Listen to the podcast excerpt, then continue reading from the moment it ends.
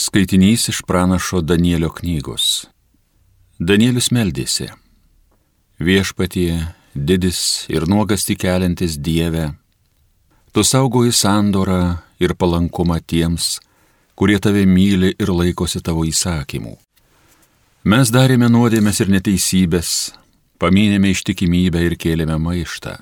Mes pažeidinėjome įsakymus ir potvarkius, neklausėme tavo tarnų pranašų, kurie tavo vardu kalbėjo mūsų karaliams ir vyresniesiems, mūsų tėvams ir visiems šalies gyventojams.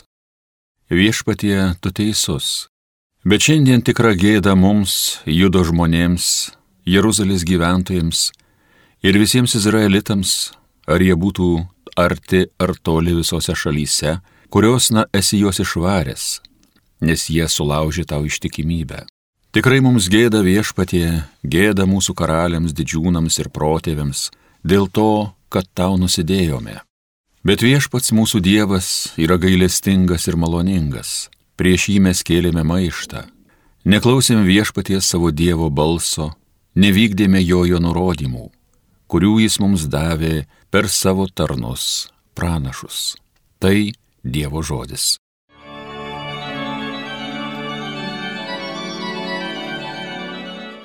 Viešpatie, ne pagal mūsų kaltybės mokėk mums.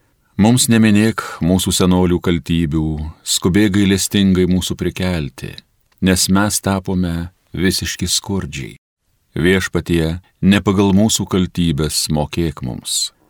Mūsų gelbėtojau Dieve, padėk mums, garbė bus tavo vardui, mūsų išvaduokė, atleisk mūsų kaltybę, kad skambėtų šlovė tavo vardui.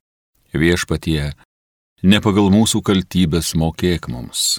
Belaisvių raudos tave te pasiekia ir galinga ranka išgelbėki pasmerktus mirti. O mes tavo žmonės, tavo ganyklo avelis, tau amžiais dėkosim, kartų kartoms teiksim tau šlovę. Viešpatie, ne pagal mūsų kaltybės mokėk mums. Šlovėtau Kristau, amžinosios garbės karaliau. Viešpatie, tavo žodžiai yra dvasia ir gyvenimas, tu turi amžinojo gyvenimo žodžius. Šlovėtau Kristau, amžinosios garbės karaliau. Iš Evangelijos pagal Luką. Jėzus bylojo. Būkite gailestingi, kaip ir jūsų tėvas gailestingas. Neteiskite ir nebūsite teisiami, nesmerkite ir nebūsite pasmerkti Atleiskite ir jums bus atleista, duokite ir jums bus duota, saiką gerą, prikimštą, sukratytą ir sukaupoti duos jums į užantį. Kokiu saiku jūs seikite, tokiu jums bus atseikėte. Tai Dievo žodis.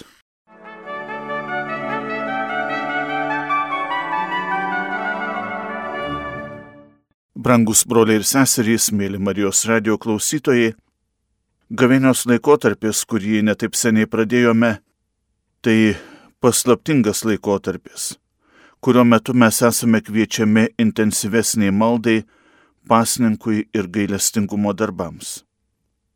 Praeitą savaitę mes apmastėme, ką reiškia ir kokia turi būti malda, koks turėtų būti pasninkas, kuris keistų ne tik tai drabužius, bet keistų širdį. Šiandieną visą dėmesį sutelkime gailestingumo darbams, artimo meilės darbams. Kodėlgi mes turime būti gailestingi? Ar verta tokiais būti ypatingai tuo met, kai norisi teisti, kerštauti, kai atrodo, kad gailestingumas išėjęs iš apyvartos?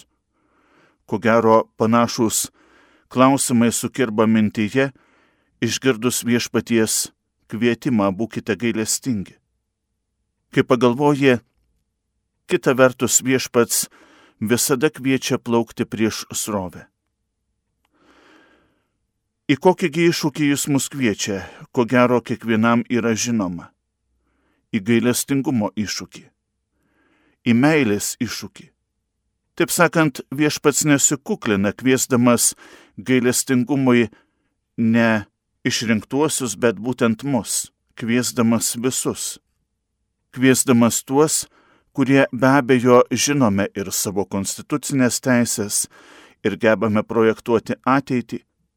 Tačiau ar toje ateityje, tame ateities projekte yra vietos artimui, yra vietos gailestingumui? Viešpats kviečia kiekvieną dieną būti vis kitokiais, kiekvieną dieną paduoti ranką žmogui, kviečia būti gailestingais. Ir be abejo, tokį jo kvietimą mes žinome.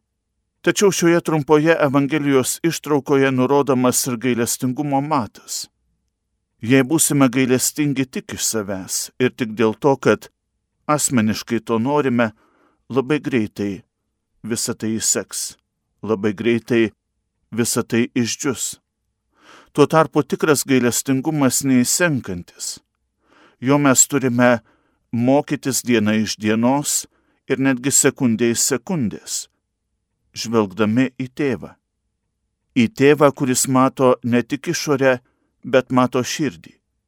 Į tėvą, kuriam neužtenka tik rezultatų, tačiau reikia ir priežasčių. Tikrai būsime gailestingi, kai nesivadovausime keršto logika, kai vengsime patyčių.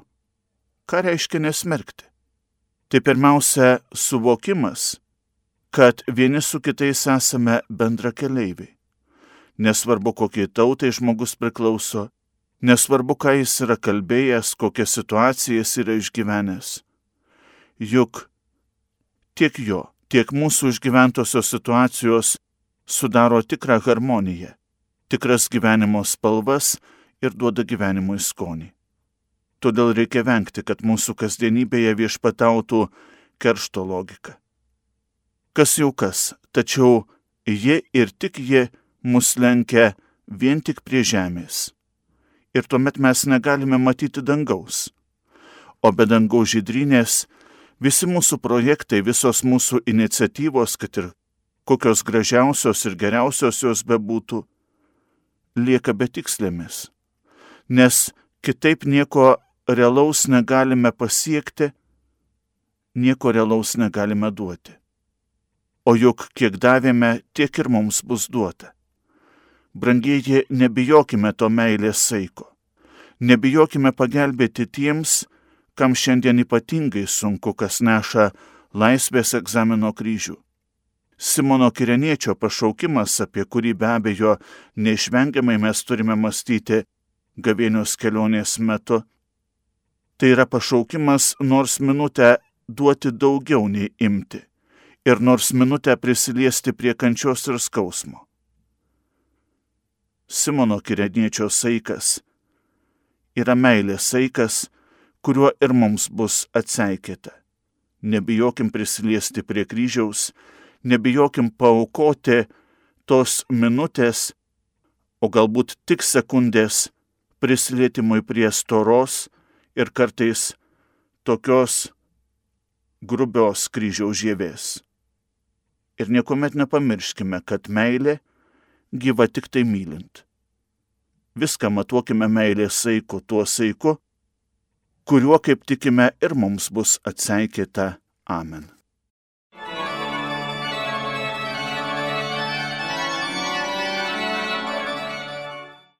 Homilija sakė kunigas Nerijus Pipiras.